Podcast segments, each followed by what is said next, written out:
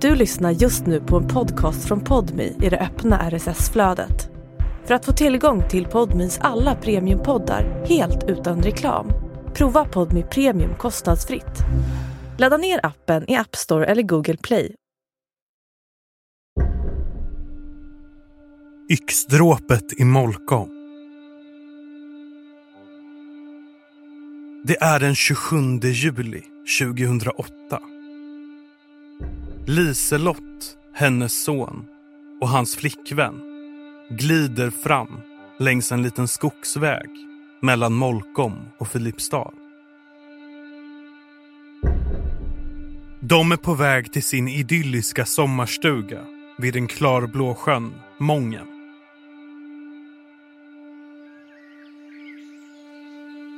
De låser upp vägbommen framför det avskilda lilla sommarstugeområdet.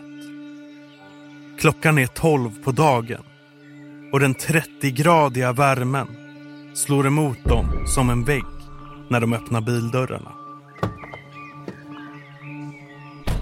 Medan ungdomarna springer ner till sjön låser Liselott upp dörren till stugan. Hon möts av ett moln av flugor och en fruktansvärd doft bedövar den friska sommarluften. Hon ställer upp fönstren i vardagsrummet på vädring. Men när hon ser den stängda sovrumsdörren slår skräcken till. Hon tänker på Lars-Erik som hon delar stugan med och som är anmäld försvunnen. Tänk om han har fått en hjärtinfarkt och ligger där i något av rummen. Hon öppnar försiktigt sovrumsdörrarna. Då ser hon fötterna.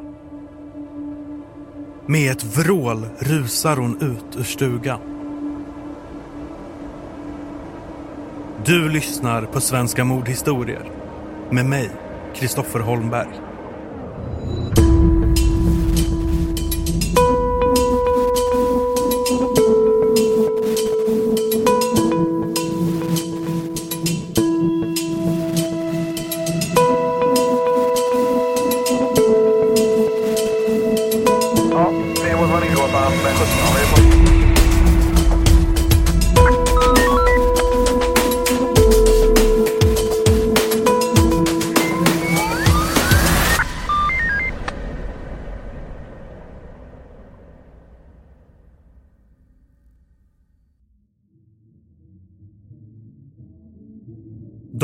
Träffade varandra på en logdans i Värmland 1987. Pirjo och Lars-Erik. De blir genast kära. Eftersom han har sitt liv i Värmland och hon sitt i Stockholm med ett krävande jobb inom media börjar hon veckopendla. Hennes jobb kräver mycket resande och Lars-Eriks gård i Molkom i Värmland blir ett ställe där hon kan dra sig tillbaka när hon är ledig. De arbetar på gården tillsammans, sköter djuren, plockar svamp och bär. Lars-Erik är en social person med många vänner, men han lämnar sällan sin gård.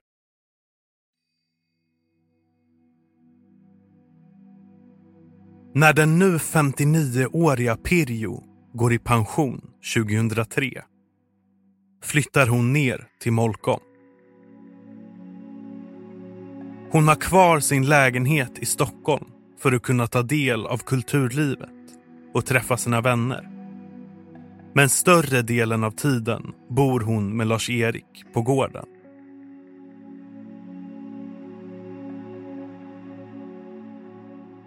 Sommaren 2006 börjar de vistas i en sommarstuga vid sjön Mången mellan Molkom och Filipstad. Stugan ägs av en kvinna vid namn Liselott. Hon kontaktar från början Lars-Erik för att hon har fått nys om att han kan hjälpa henne att hyra ut stugan. Men eftersom Liselott har det svårt ekonomiskt går istället Lars-Erik in som delägare.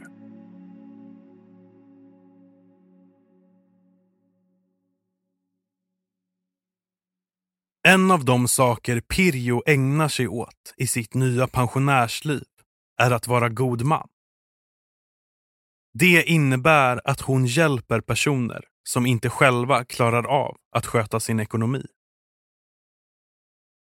I oktober 2006 tackar Pirjo ja till att vara god man till en kvinna i Molkomtrakten som heter Marit. En tid senare träffas de för första gången på socialkontoret i Karlstad. Marit är en späd, blond kvinna mellan 50 och 60 som pratar klingande norska. Hon är konstnär och har flyttat till Sverige två år tidigare. Efter att hon blivit sjukskriven i samband med en bilolycka blir Marits ekonomi lidande och hon tvingas göra sig av med sin bostad och ateljé hemma i Norge. I samband med det hittar hon sitt drömhus med ateljé i en by strax utanför Molkom. Men de ekonomiska problemen blev bara värre för den kämpande konstnären Marit. Redan första vintern i stugan stängdes el och vatten av på grund av obetalda räkningar. Och Marit tvingades elda med sina möbler för att hålla sig varm och göra sina toalettbesök på den lokala vårdcentralen och busstationen. Hon säger sig ha hamnat i en lucka mellan två sjukförsäkringssystem. Men Pirjo inser snart att orsakerna är fler än så. Marit har inte öppnat sin post på ett helt år. Och hon köper gärna saker på kredit utan tanke på morgondagen och har stora skulder hemma i Norge.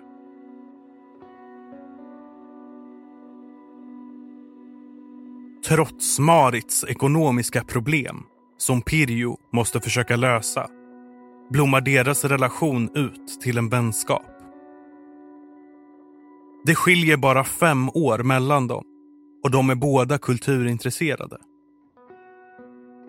Sommaren 2007 träffar konstnären Marit Pirjos man, Lars-Erik, för första gången. Hon hälsar på i parets gård i Molkom. Marit och Pirjo sätter potatis och lök i trädgårdslanden och efteråt dricker alla tre kaffe tillsammans. Det blir en trevlig pratstund och början på en ny vänskap. När hösten kommer köper Marit ved av Lars-Erik och under den följande vintern hjälper han henne med att fixa ramar och ge henne skjuts när hon ställer ut på en konstutställning.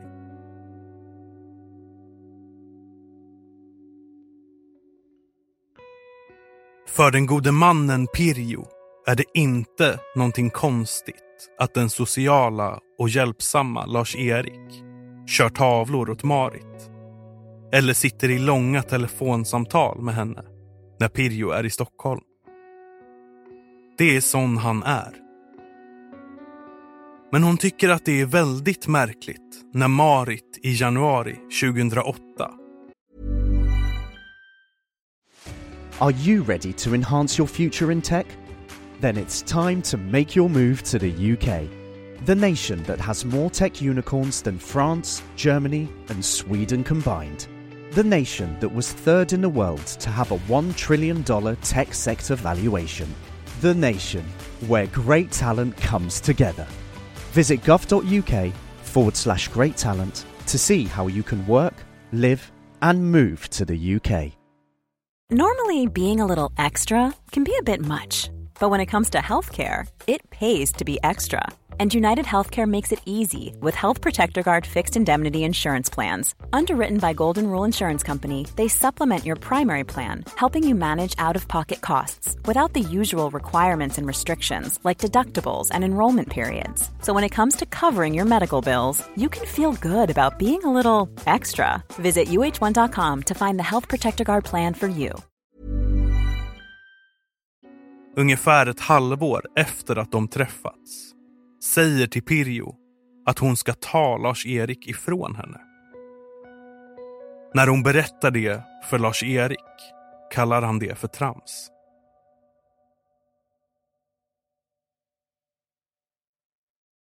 Men Pirjo tycker att det är fler saker som är undliga med konstnären och vännen Marit. Hon har humörsvängningar och blir ofta drabbad av oväntade olyckor och sjukdomar. Marit går under våren in i en depression. Hon börjar mer eller mindre telefontrakassera Pirjo och hotar med att begå självmord. I april ber Pirjo Lars-Erik att sluta umgås med Marit när hon själv inte är med. Det är ett råd som han inte kommer att följa. Istället börjar han umgås allt mer med Marit och telefonsamtalen fortsätter.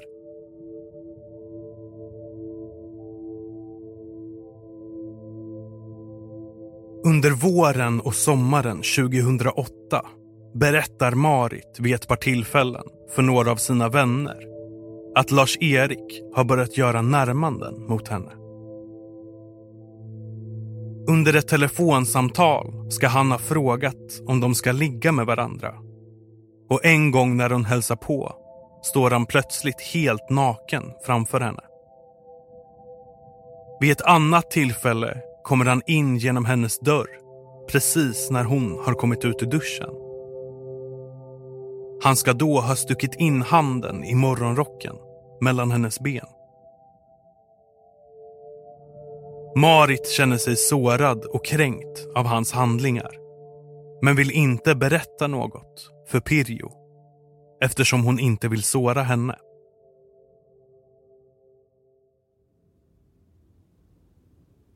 Fredagen den 18 juli 2008. Ett år efter att de började umgås med konstnären Marit äter Pirjo och Lars-Erik frukost tillsammans. Pirjo ska under dagen åka till Karlstad tillsammans med en ung kvinna som hon också är god man åt. Och de ska se Mamma Mia på bio. Även Marit har erbjudits följa med. Men hon vill inte åka till stan eftersom hon inte har några pengar att shoppa eller gå på bio för. När Pirjo ger sig iväg mot Karlstad bestämmer hon och Lars-Erik att de ska äta middag tillsammans när Pirjo kommer tillbaka.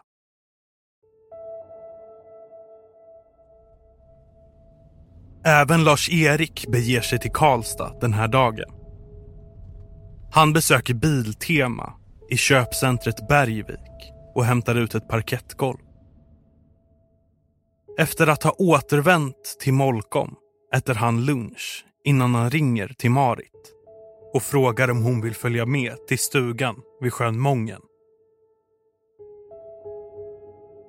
Klockan har nyss passerat halv tre när Lars-Erik plockar upp Marit med sin vita Volvo.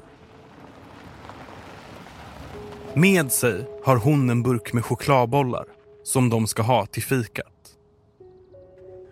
De åker skogsvägen fram, låser upp vägbommen som spärrar av sommarstugeområdet och fortsätter den sista biten fram till stugan och sjön.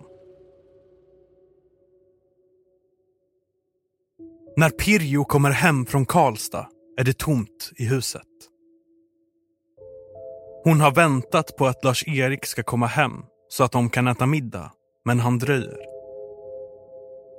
Efter ett tag kommer hon på att han kanske har åkt ut till sommarstugan vid Mången och hon åker dit för att se efter. När hon kommer fram finns det inget som tyder på att Lars-Erik är där. Hans bil står inte parkerad utanför. Stugan är låst och lamporna släckta. När hon kikar in genom köksfönstret ser det tomt ut. Så Pirjo åker tillbaka till huset i Molkom.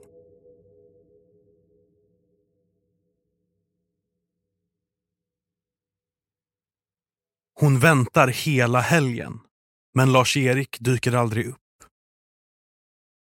På söndagen, två dagar efter hans försvinnande, åker Pirjo hem till sin vän, konstnären Marit, och hälsar på.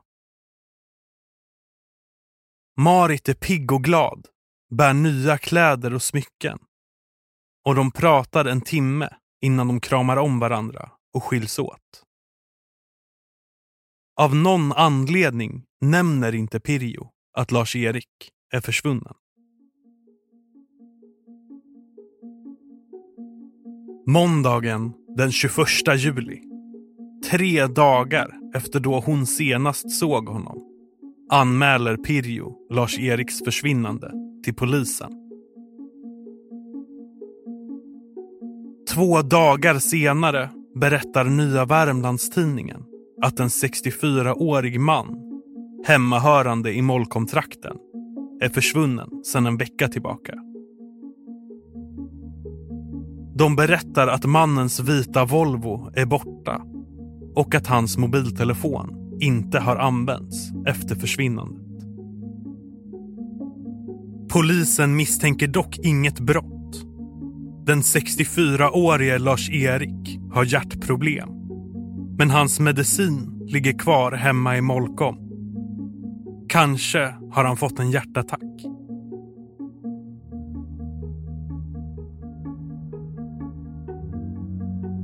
Onsdagen den 23 juli tar Marit bussen till Oslo för att träffa den terapeut hon har gått hos i över tio år.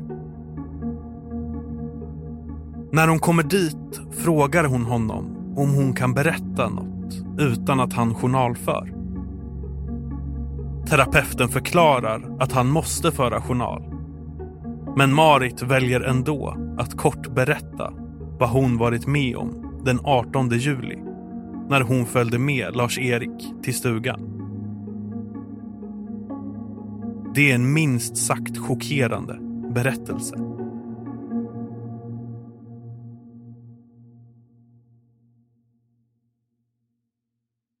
Efteråt uppmanar terapeuten henne att gå till polisen och berätta vad som hänt. Men det vill inte Marit. Hon är inte säker på att hon kommer bli trodd. Terapeuten säger att han kan följa med henne till polisen om hon ångrar sig. Men hans tystnadsplikt hindrar honom från att göra mer än så. Fyra dagar senare reser Marit tillbaka till Sverige. Det är nu den 27 juli 2008. Och samma dag sker ett genombrott i utredningen kring den försvunna Lars-Erik.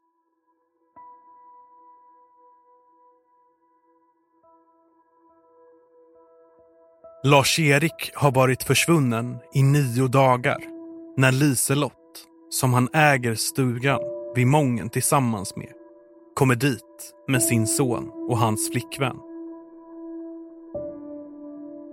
Liselott och Lars-Erik skulle egentligen ha arbetat med stugan nu, men istället är han försvunnen. Egentligen har hon inte varit sugen på att åka hit den här dagen. Men ungdomarna har övertalat henne eftersom de vill bada i den klarblå sjön. Det är nu Liselott går in i stugan och hittar Lars-Erik i ett sovrum fullt med flugor. När hon rusar ut ropar hon till sommaren Normally, being a little extra might be a bit much, but not when it comes to healthcare. That's why United Healthcare's Health Protector Guard fixed indemnity insurance plans, underwritten by Golden Rule Insurance Company, supplement your primary plan so you manage out of pocket costs. Learn more at uh1.com.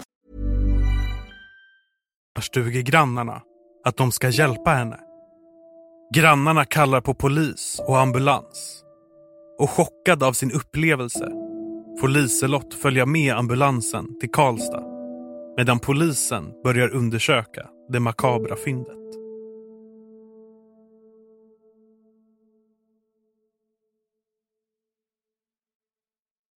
När polisen går in i rummet ligger Lars-Erik under ett täcke, helt naken.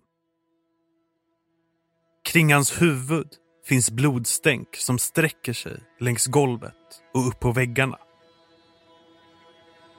I rummet ligger också hans kläder, hans hammare och ett paket kondomer. En av kondomerna är utplockad ur sin förpackning och sitter fastklibbad på Lars-Eriks ena arm. Under en byrå i rummet finns Lars-Eriks plånbok tömd på pengar och bankkort.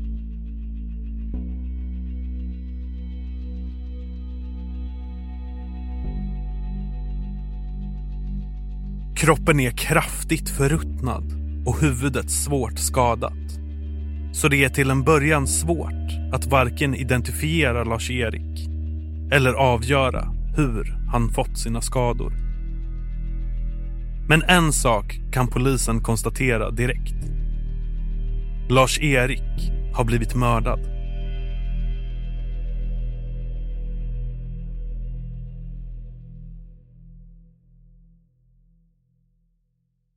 Samtidigt som polisen meddelar hans sambo Pirjo det tunga beskedet och börjar förhöra personer i Lars-Eriks närhet får man fram utdragen från Lars-Eriks bankkonto. Det visar sig att hans bankkort har använts i en uttagsautomat inne i Molkom vid halv nio på kvällen den 18 juli. Samma dag som han försvann. Någon har då plockat ut 7500 av de 7699 kronor som fanns på kontot.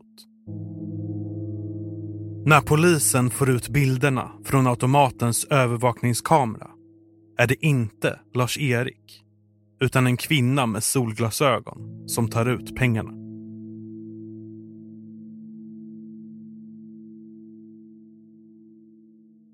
Dagen efter att Lars-Erik hittats visar polisen övervakningsbilderna för Pirjo. Även om håret är annorlunda och kvinnan har solglasögon och en scarf över munnen funderar hon på om det inte är Marit som syns på bilderna.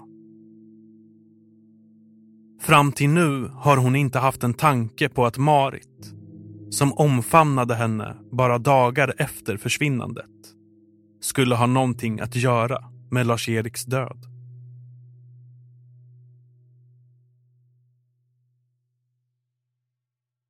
Samma dag hittas Lars-Eriks vita Volvo parkerad i Karlstad. I bilen hittas ett hårstrå som visar sig komma från en peruk.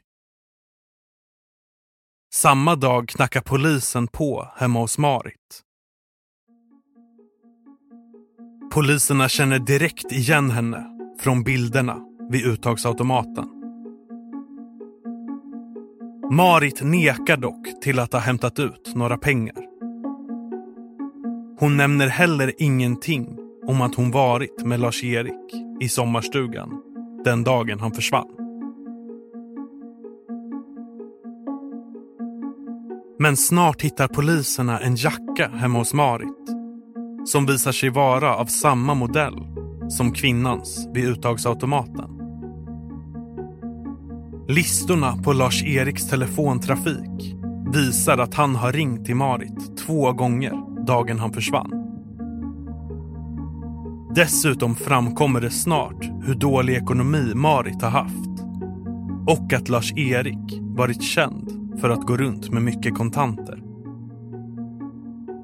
Det fanns därför ett ekonomiskt motiv för Marit att mörda Lars-Erik. När hon till slut inser att hon är överbevisad erkänner Marit att hon dödade honom. Hon visar vägen till en container där de hittar sängkläder från sommarstugan och mordvapnet, en yxhammare. Det är med gott självförtroende åklagaren kan begära Marit häktad.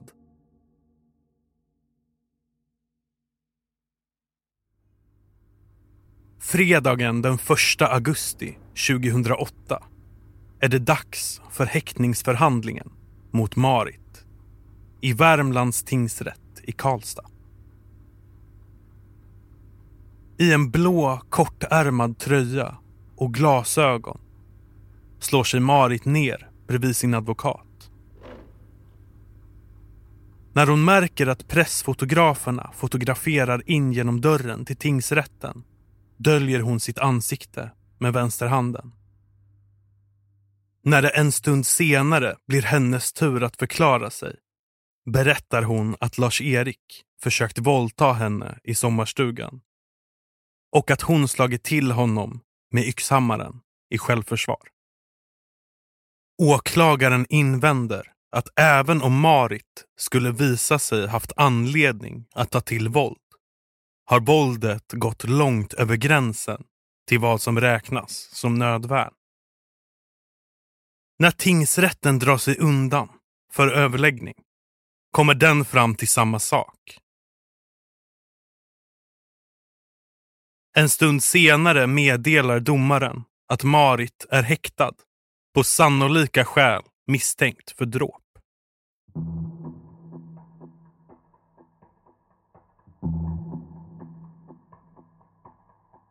Under veckorna som följer växer Marits berättelse fram. Enligt Marit ska Lars-Erik, när han bjöd ut henne till stugan den 18 juli 2008, sagt att både Pirjo och ytterligare en kvinna redan var i sommarstugan. Marit ska därför ha blivit förvånad när de kom fram till sjön och upptäckte att de var ensamma på platsen. När Marit och Lars-Erik kommer in i stugan låser han dörren inifrån och stoppar nyckeln i byxfickan. Nu kommer du ingenstans, säger han. De sätter sig i en soffa där Lars-Erik säger att de ska ligga med varandra. Att hon inte ska vara petig och acceptera erbjudandet. Enligt Marits berättelse lyckas hon övertala Lars-Erik om att de ska fika först. Desperat krossar hon några bedövande tabletter från sin handväska och trycker in i några av chokladbollarna. Men trots att Lars-Erik äter de spetsade delikatesserna visar han inget tecken på att bli påverkad. Istället släpar han in henne i sovrummet där han tvingar henne att klä av sig sina kläder, drar ner henne på den bäddade sängen och försöker kyssa henne.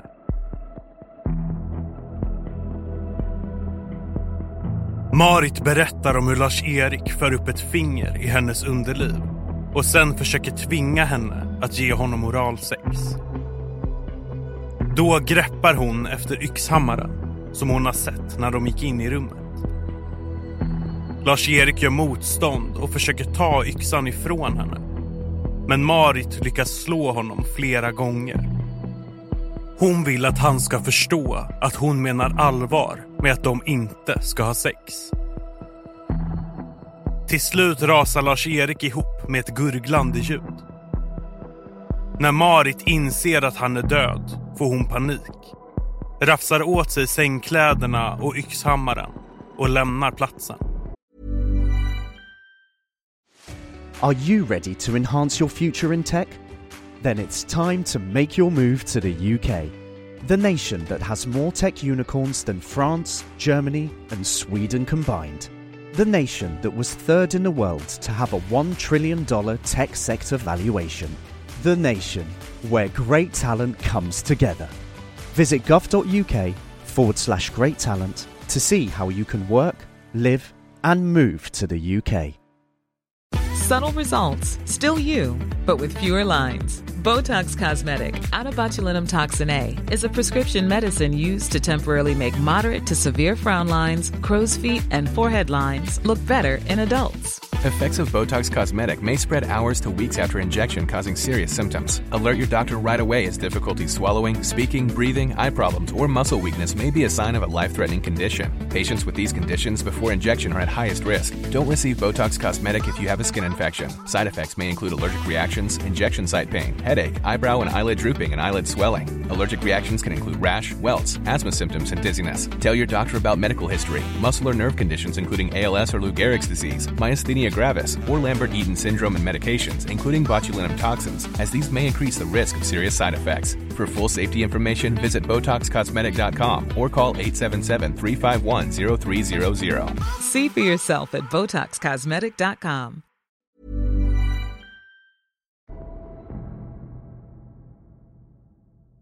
Pirjo reagerar starkt på Marits berättelse och redan i samband med häktningsförhandlingen ställer hon upp på en intervju i Nya Värmlandstidningen.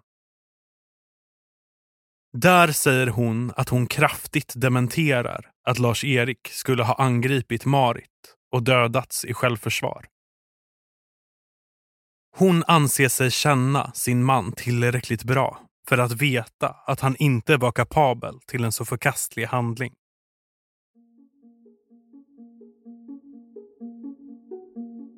Polis och åklagare hittar en rad brister i Marits berättelse. Till exempel borde hon vetat att Pirjo och den yngre kvinnan inte var i stugan den där fredagen eftersom hon visste att de skulle på bio i Karlstad. Det visar sig även att Marit ljugit när hon sagt att hon legat utslagen hemma i sin bostad dagen efter Lars-Eriks död. I själva verket har hon varit i Karlstad i flera timmar. Fått kortbetalningar registrerade och fångats på en övervakningskamera på Ikea. Polisen tror också att Marit har haft med sig yxhammaren till stugan eftersom varken Pirjo eller den andra stugägaren Liselott känner igen den från tidigare. Man tror inte heller att hon har kunnat preparera chokladbollarna med bedövande piller medan Lars-Erik var i samma rum. Hon måste ha gjort det tidigare. Obduktionsresultatet bekräftar också att Lars-Erik har fått i sig de preparat som Marit säger att hon använt.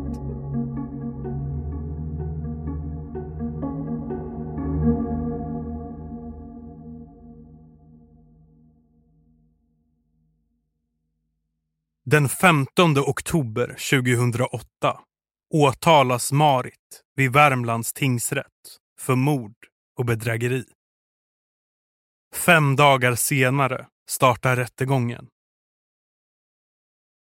Under fyra förhandlingsdagar presenterar åklagaren sina bevis och både Pirjo och Marit får chansen att berätta sina versioner av vad som egentligen hände under våren och sommaren. Dessutom har både åklagarsidan och försvaret kallat vittnen som ska uttala sig om Lars-Eriks karaktär. En av Lars-Eriks grannar berättar att Lars-Erik aldrig visat tecken på att vara aggressiv eller våldsam. Och att han hade lätt att umgås med kvinnor. En av Lars-Eriks kusiner, en före detta kollega och en jaktkompis berättar ungefär samma sak. På försvarets sida vittnar de personer som hört Marit berätta om Lars-Eriks sexuella närmanden och Marits norska terapeut, som hon också berättat för. Om våldtäktsförsöket som lett till Lars-Eriks död.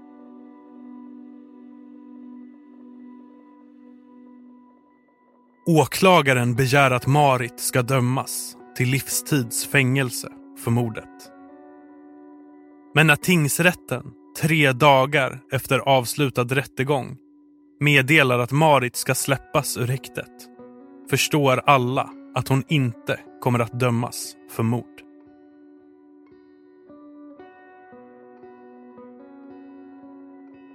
Den 12 december 2008 dömer tingsrätten istället Marit till villkorlig dom för bedrägeri för att ha tagit ut pengar med Lars-Eriks bankkort. Visserligen tycker tingsrätten att det finns flera saker som pekar på att Marits våldtäktsberättelse inte stämmer. Men samtidigt har Lars-Erik hittats naken i ett sovrum med en bäddad säng och framplockade kondomer. Därför går det inte att utesluta att hennes version av händelseförloppet är sann. För Pirjo är domen ett hårt slag. Förutom att Marit frias anser hon att Lars-Erik har stämplats som våldtäktsman. En anklagelse han själv inte har någon möjlighet att försvara sig mot. I en ny intervju med Nya Värmlandstidningen kallar hon domen för en rättsskandal. Åklagaren meddelar omedelbart att hon kommer att överklaga domen. Och under våren 2009 tas fallet upp i hovrätten för västra Sverige.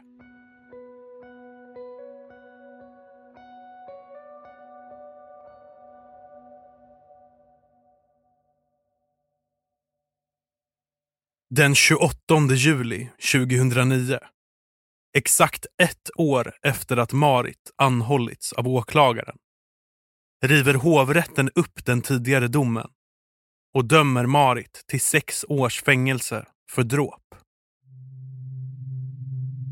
Hovrätten anser inte att det går att bevisa att Marit har planerat att mörda Lars-Erik i stugan. Istället kan det enligt hovrätten stämma att Marit i alla fall själv ansåg sig vara utsatt för ett våldtäktshot. Men det våld hon har utsatt Lars-Erik för är oavsett för kraftigt för att anses vara försvarligt.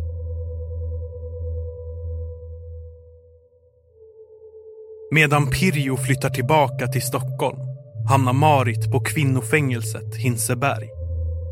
I en intervju med en journalistelev fyra år senare liknar hon tillvaron där med ett amerikanskt militärläger.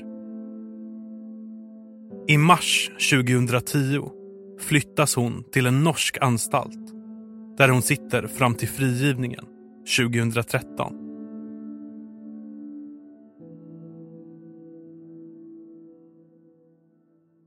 Sommaren 2020 intervjuas Pirjo i Nya Värmlandstidningen. Hon berättar att hon ännu inte har kommit över att tingsrätten friade Marit den där gången. Det var en rättsskandal, menar hon, trots att domen senare ändrades. Marit har från sitt perspektiv varit precis lika övertygad om att rättssystemet inte har fungerat eftersom hon dömdes i hovrätten. Efter att hon släpptes ur fängelset 2013 letade hon också möjligheter att söka resning i fallet.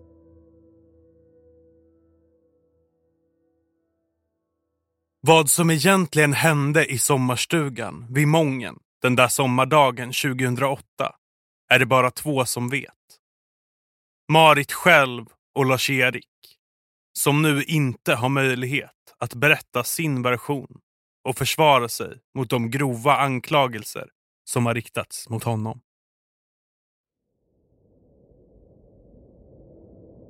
Du har lyssnat på Svenska mordhistorier med mig, Kristoffer Holmberg.